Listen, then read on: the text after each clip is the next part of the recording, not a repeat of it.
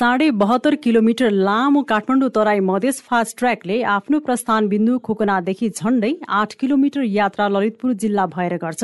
त्यसपछिको बाँकी क्षेत्र काठमाडौँ मकवानपुर र बारा जिल्लामा पर्दछ। यसले सबभन्दा बढी झण्डै चौन्न किलोमिटर मकवानपुरको यात्रा गर्नेछ। अन्त्यमा छ दशमलव सात किलोमिटर बारा जिल्लाको यात्रा गरेपछि यो महेन्द्र राजमार्गसँग जोडिन्छ। अनुमानित लागत एक खर्ब पचहत्तर अर्ब रुपैयाँ रहेको यो परियोजनाको हालसम्म सोह्र प्रतिशत काम सम्पन्न भएको नेपाली सेनाले जनाएको छ। तर फास्ट ट्र्याकको प्रवेश बिन्दु ललितपुरको खोकनामा आयोजनाका लागि आवश्यक चार सय एकचालिस रोपनी जग्गाको विवाद नमिल्दा निर्माण कार्यले गति लिन सकेको छैन। नेपाली सेनाका सहायक रति एवं सूचना अधिकारी सन्तोष बल्लभ पौडेल। अब अहिले चाहिँ यो खोकना सम्बन्धी जग्गाको विवादको लागि मुख्य रूपमा राष्ट्रिय योजना आयोगको पदाधिकारीको अध्यक्षतामा एउटा समिति नै गठन गरेर हामीले सबै सरकारवाला निकायहरूसँग समन्वय र चाहिँ यो नेगोसिएसन गर्ने काम गरिरहेका छौँ। र मुख्य रूपमा यो जग्गा प्राप्त सरकार सम्बन्धित मन्त्रालयको क्षेत्राधिकारभित्र रहने भएको हुनाले सोही मन्त्रालयमा पनि हामीले समन्वय गरिराखेका छौँ त्यसैले गर्दा पनि यो खोकना बुङमती क्षेत्रमा पर्ने जुन प्याकेज छ त्यसलाई हामीले अन्तिममा वैशाखमा पुलपत्र आह्वान गर्ने गरिकन हामीले व्यवस्थापन मिलाएका छौँ। दशकौंदेखि अनिलमा रहेको फास्ट ट्र्याकको निर्माणको जिम्मा दुई हजार चौहत्तर साउन सत्ताइस गते सरकारले नेपाली सेनालाई दिएको थियो। सेनाले आगामी दुई हजार एकासी सालसम्म फास्ट ट्र्याक निर्माण सम्पन्न गरी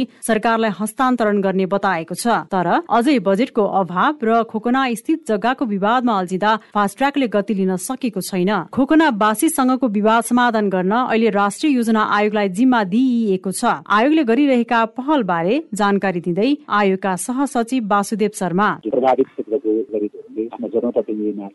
गर्नुपर्ने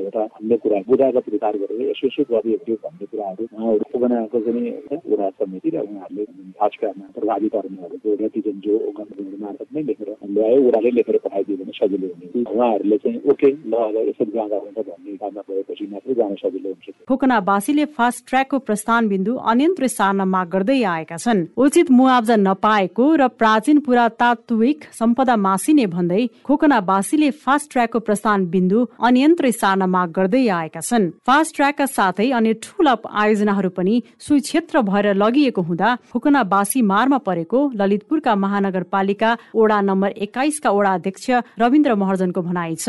समस्या भएको भनेको मुख्य कारण भनेको अब एकै ठाउँमा धेरै आयोजनाहरू आउने भयो एउटा सांस्कृतिक सम्पदाको संरक्षणको कुरा भयो। खोकनावासीको मागलाई उचित ढङ्गले सम्बोधन नगरेसम्म फास्ट ट्र्याक निर्माणले पूर्णता पाउन नसक्ने देखिन्छ। यस विषयमा विभिन्न विकल्पमा छलफल समेत भइरहेको बताइएको छ। फेरि पनि सेनाका सहायक रथी एवं सूचना अधिकारी पौडेल। यो सालमा हामीले भयभरको सोलपत्रहरू आह्वान गरेर कार्य गर्न सुरु गराउन सक्यौँ भनेदेखि अरू त्यस्तो कुनै किसिमको व्यवधानहरू आएन। सबै तहबाट हामीलाई सहयोग भयो भनेदेखि हामी दुई हजार एकासी सालमा हामीले तोकेको लक्ष्य हासिल गर्ने प्रति पूर्ण रूपमा आशावादी छौँ। तराई र संघीय राजधानी काठमाडौँ तथा प्रस्तावित निजगढ अन्तर्राष्ट्रिय विमानस्थललाई काठमाडौँसँग जोड्ने फास्ट ट्र्याक मुलुकको लाइफ लाइन बन्ने निश्चित छ। साथै यो फास्ट ट्र्याक व्यापारिक तथा आर्थिक विकासको मेरुदण्डका रूपमा दुर्गामी महत्वको आयोजनाको रूपमा साबित हुनेछ। सरकारवाला निकायले सबै पक्षसँग समन्वय गरी विवादित विषय सुझाउन ढिलाइ नगरी लाग्ने हो कि?